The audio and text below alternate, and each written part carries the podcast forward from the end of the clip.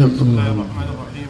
الحمد لله رب العالمين والصلاة والسلام على أشرف الأنبياء والمرسلين نبينا محمد وعلى آله وصحبه أجمعين.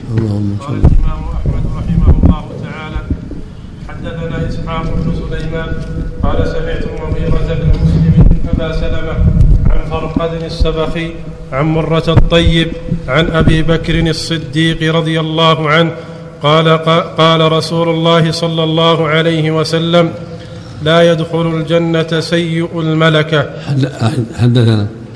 حدثنا إسحاق بن سليمان قال سمعت المغيرة بن مسلم أبا سلمة عن فرقد السبخي عن مرة الطيب عن أبي بكر الصديق رضي الله عنه قال رسول الله صلى الله عليه وسلم لا يدخل الجنة سيء الملكة. فقال رجل يا رسول الله أليس أخبرتنا أن هذه الأمة أكثر الأمم أكثر الأمم مملوكين وأيتاما؟ قال بلى فأكرموهم كرامة أولادكم وأطعموهم مما تأكلون. قالوا فما ينفعنا في الدنيا يا رسول الله؟ قال فرس صالح تربطه تقاتل عليه في سبيل الله ومملوك يكفيك فإذا صلى فهو أخوك فإذا صلى فهو أخوك. الحديث ضعيف لأن فرقد السبع ضعيف لكن المعنى صحيح. الواجب على كل مسلم أن يحسن الولاية في مماليكه وفي أولاده وفي غيرهم. ولهذا صلى الله عليه وسلم في الحديث الصحيح رواه مسلم للمملوك طعامه وكسوته ولا يكلف إلا ما يطيق. فليس له أن يظلم المماليك ولا الأولاد ولا الأيتام بل يجب أن يحسنوا الولاية وال وال وال الرفق بهم والرحمة لهم والإحسان إليهم سواء كانوا من بني آدم أو من الدواب. لا بد من الإحسان إليها. نعم. فتح الميم أو كسرها. الملكة. نعم. نعم. حدثنا عثمان بن عمر الحشي هذا؟ قال سبق الكلام على هذا الإسناد في 13 وهو ضعيف. نعم من أجل فرقة السبق. نعم. نعم. نعم. نعم. طبعة الجامعة. عندك؟ إي نعم. إيه. يقول أحسن الله إليك أن إسناده ضعيف لضعف فرقد السبخي وقد تكلم آه، تقدم الكلام عليه عند الحديث رقم 13 نعم. وأخرجه ابن ماجه والمروزي وأبو يعلى من طرق عن إسحاق بن سليمان بهذا الإسناد. نعم. حدثنا عثمان بن عمر قال أخبرنا يونس عن الزهري قال أخبرني ابن السباق قال أخبرني زيد بن ثابت أن أبا بكر أرسل إليه مقتل أهل اليمامة فإذا عمر عنده فقال أبو بكر إن عمر أتاني فقال إن القتل قد استحر بأهل اليمامة من قراء القرآن من المسلمين وإني وأنا أخشى أن يستحر القتل بالقراء في المواطن فيذهب قرآن كثير لا يوعى وإني أرى أن تأمر بجمع القرآن فقلت لعمر وكيف أفعل شيئا لم يفعله رسول الله صلى الله عليه وسلم؟ فقال هو والله خير فلم يزل يراجعني في ذلك حتى شرح الله بذلك صدري. ورأيت فيه الذي رأى عمر.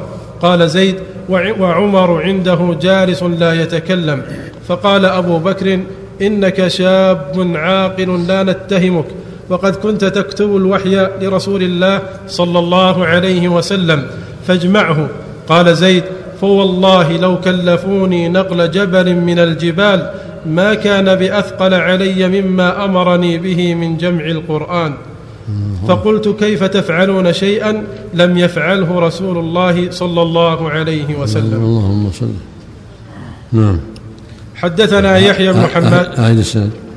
حدثنا عثمان بن عمر. قال أخبرنا يونس عن الزهري. قال أخبرني ابن السباق.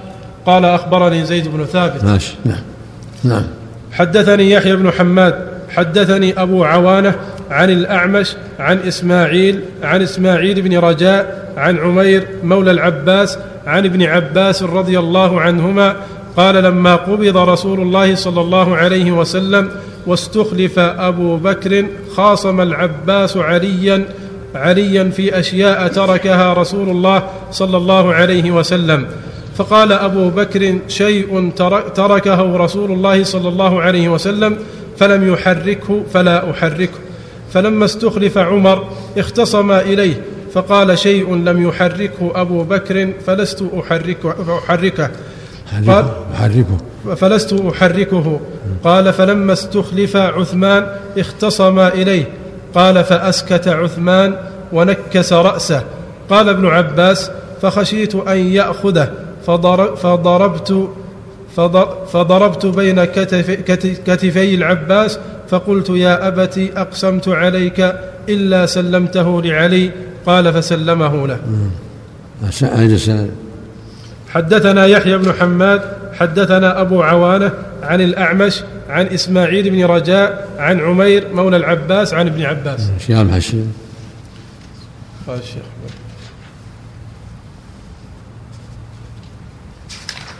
إسناده صحيح. عمير مولى العباس وهو عمير بن عبد الله الهلالي مولى أم الفضل زوج العباس. ماشي ماشي نعم نعم نعم. حدثنا يحيى بن حماد قال حدثنا أبو عوانة عن عاصم بن كليب قال حدثني شيخ من قريش من بني تيم قال حدثني فلان وفلان وفلان فعد ستة أو سبعة كلهم من قريش فيهم عبد الله بن الزبير قال بينا نحن جلوس عند عمر إذ دخل علي والعباس قد ارتفعت أصواتهما فقال عمر مه يا عباس؟ قد علمت ما تقول. تقول ابن أخي ولي شطر المال وقد علمت ما تقول يا علي. تقول ابنته تحتي ولها شطر المال وهذا ما كان في يدي رسول الله صلى الله عليه وسلم فقد رأينا كيف كان يصنع فيه فوليه أبو بكر من بعده فعمل فيه بعمل رسول الله صلى الله عليه وسلم. ثم وليته من بعد أبي بكر. فأحلف بالله لأجهدن أن أعمل فيه بعمل رسول الله صلى الله عليه وسلم وعمل أبي بكر. ثم قال حدثني أبو بكر وحلف بالله إنه لصادق أنه سمع النبي صلى الله عليه وسلم يقول إن النبي لا يورث. وإنما ميراثه في فقراء المسلمين والمساكين. وحدثني أبو بكر وحلف بالله إنه صادق أن النبي صلى الله عليه وسلم قال إن النبي إن النبي لا يموت حتى يؤمه بعض أمته. وهذا ما كان في يدي رسول الله صلى الله عليه وسلم. فقد رأينا كيف كان يصنع فيه. فإن شئتما أعطيتكما لتعملا فيه بعمل رسول الله صلى الله عليه وسلم وعمل أبي بكر حتى أدفعه إليكما.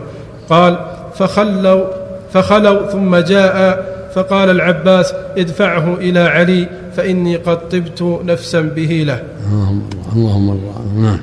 حدثنا عبد الوهاب بن عطاء قال أخبرنا محمد بن عمرو عن أبي سلمة عن أبي هريرة رضي الله عنه أن فاطمة رضي الله عنها جاءت أبا بكر وعمر رضي الله عنهما تطلب ميراثهما من رسول الله ميراثها من رسول الله صلى الله عليه وسلم.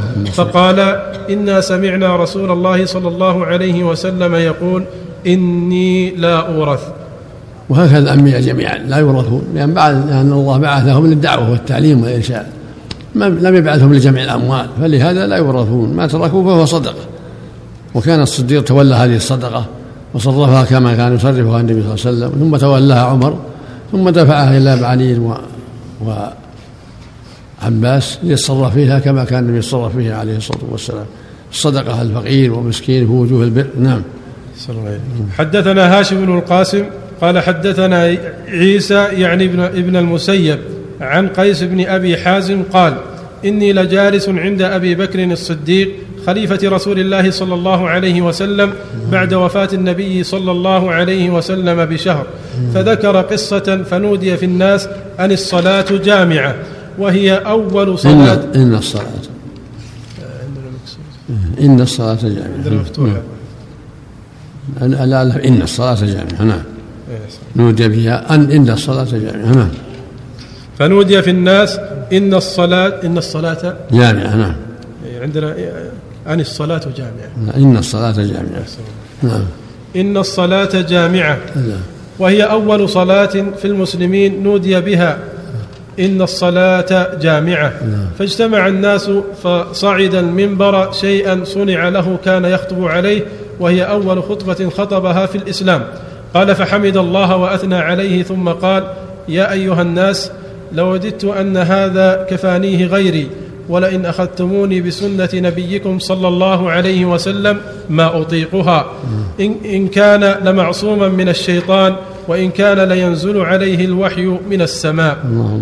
حدثنا هاشم بن القاسم حدثنا شيبان عن ليث عن مجاهد قال قال أبو بكر الصديق رضي الله عنه أمرني رسول الله صلى الله عليه وسلم أن أقول إذا أصبحت وإذا أمسيت وإذا أخذت مضجعي من الليل اللهم فاطر السماوات والأرض عالم الغيب والشهادة أنت رب كل شيء ومليكه.